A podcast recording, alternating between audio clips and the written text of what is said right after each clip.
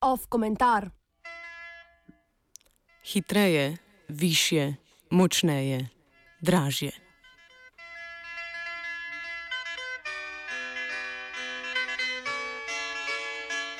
Mednarodni olimpijski komite, krajše MOK, je letos spremenil prakso in razglasil gostitelja poletnih olimpijskih iger za leto 2024 in 2028 hkrati. Od petih vloženih kandidatur za igre 2024 so na koncu ostali le dve in sicer Pariz in Los Angeles.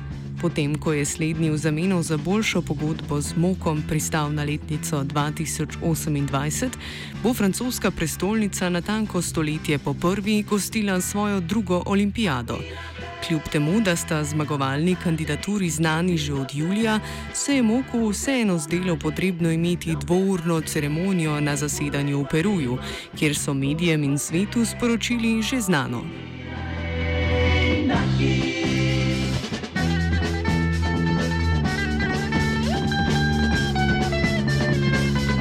Od samega začetka so interes za organizacijo tekmovanja izkazali v številnih državah sveta, a večinoma po ocenitvi stroškov kaj k malu umaknili kandidaturo. Najdlje v procesu pridobitve iger so se poleg zmagovalk držali Hamburg, Rim in Budimpešta. Izvolitev županje Virginije Raji iz populističnega gibanja petih zvest je pomenilo konec rimske kandidature.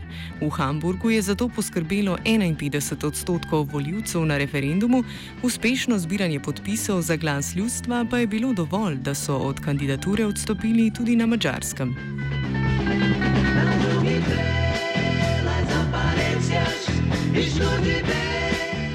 Ameriški športni ekonomist Andrew Zimbalist v knjigi Circus Maximus iz leta 2015 označi vsako organizacijo največjih športnih dogodkov, kot so olimpijske igre ali svetovno prvenstvo v nogometu, za ekonomsko neupravičene v trenutnih razmerah in okvirih.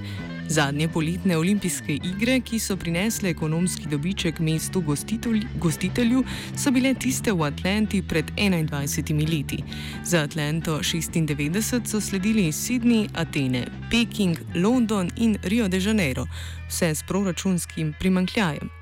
Predvsem na primeru slednjega je neposredno viden strošek vzdrževanja milijardnih naložb, ki so kratkoročno spodbudile lokalno gospodarstvo, za sabo pa pustile prazne stadione in razpadajočo infrastrukturo, ki jo Rio in pešajoče brazilsko gospodarstvo nista zmožna vzdrževati.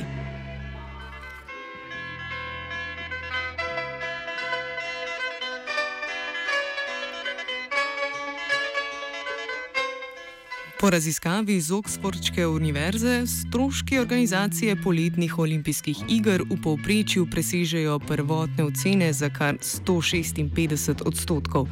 Rekord v tem aspektu drži Montreal 76, ki je kar 720 odstotno inflacijo stroškov odplačal šele 30 letja kasneje. Da ta trend še vedno velja, potrjuje ta bližajoči se olimpijadi. V južnokorejskem Pjongčanu so se predvideni stroški za zimske igre leta 2018 podvojili, enako pa lahko rečemo tudi za poletne igre v Tokiu 2020.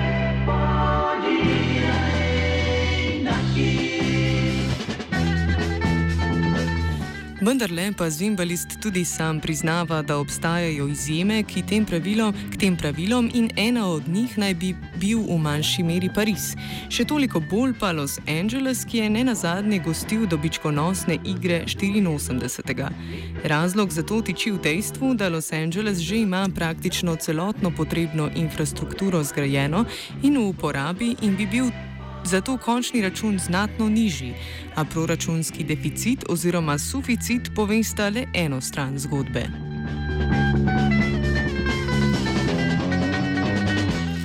Gradbena dela in posledični negativni ekološki vplivi, razselitve ter gentrifikacija naselij, militarizacija policijskih enot in širitve njihovih pooblastil, izkoriščanje delavcev na kratkoročnih pogodbah, preusmeritev mestnih sredstev, kjer imajo olimpijski projekti prioriteto in tako dalje. To so pojavi, ki so stalnica vsakih iger, vključno s tistimi, ki so bile označene kot uspešne. Pri tem tudi Los Angeles kot primer najboljšega olimpijskega scenarija ne bo izjema, kot tudi leta 1984 ni bil.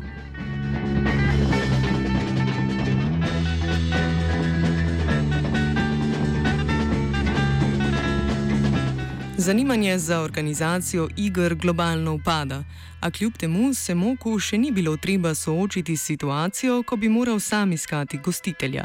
Pod pritiskom javnosti in mest kandidatk je Mok sicer sprožil tako imenovano Agendo 2020, ki naj bi olajšala breme mestom. Ta načrt predvideva par izboljšav in sicer večje upoštevanje ekonomskih, družbenih in ekoloških dejavnikov pri izbiri gostitelja in bolj pošteno delitev dobičkov med mok in mesti.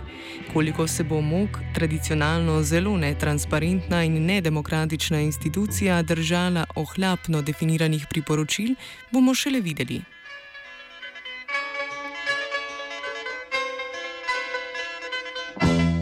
Napovedana inflacija športov in dogodkov ter s tem udeležencev v agendi še ni izpostavljena, kljub temu, da ravno ta vsakega novega gostitelja dodatno obremeni, dobičke pa večinoma kuje mok. Dobiček iz naraščajočih cen pravic za televizijske prenose tako bolj kot pri mestnih oblasteh konča v Lozani, kjer je sedež komiteja. Za primer.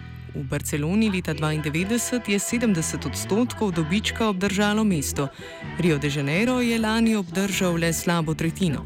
Za same igre so kako pa dali 13,2 milijarde evrov, Mok pa je prispeval le pol drugo milijardo.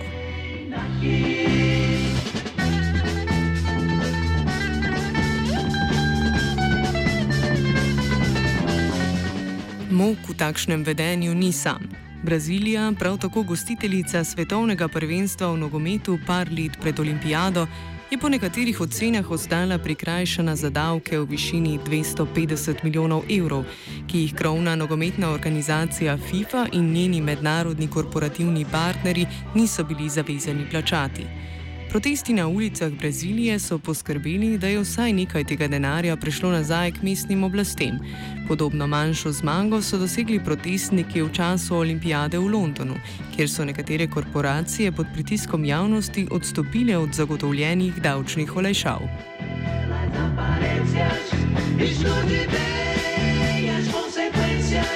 Não perca Mok bo vendarle očitno prisiljen v reforme, če se želi v prihodnje izogniti črnemu scenariju. Tako so se pomankanjem interesentov pri Moku soočili tudi pri izbiri gostitelja za zimske igre 2022, ki jih je dobil Peking v boju z edinim rivalom, kazahstanskim Almatijem. Ob statusu quo se zdi, da bodo še edini kandidati najbogatejša in največja mesta na Zahodu ter avtokratske diktature ne da te kaj posebej motijo MOK, FIPO in ostale podobne organizacije.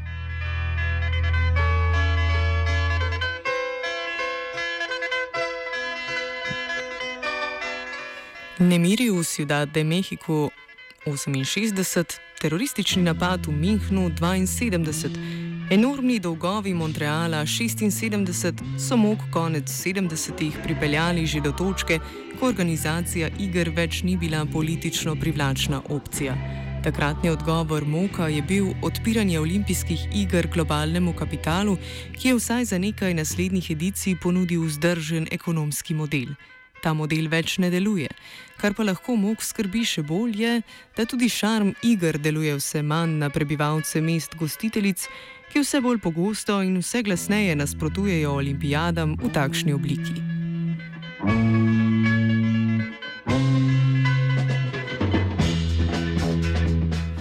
Naslednja reforma bo morala biti več kot izključno ekonomske narave.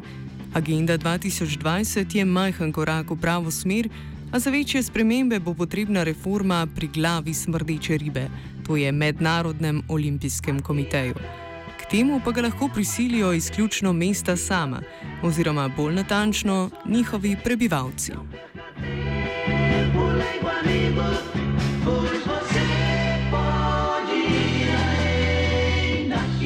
Komentiral je Antun.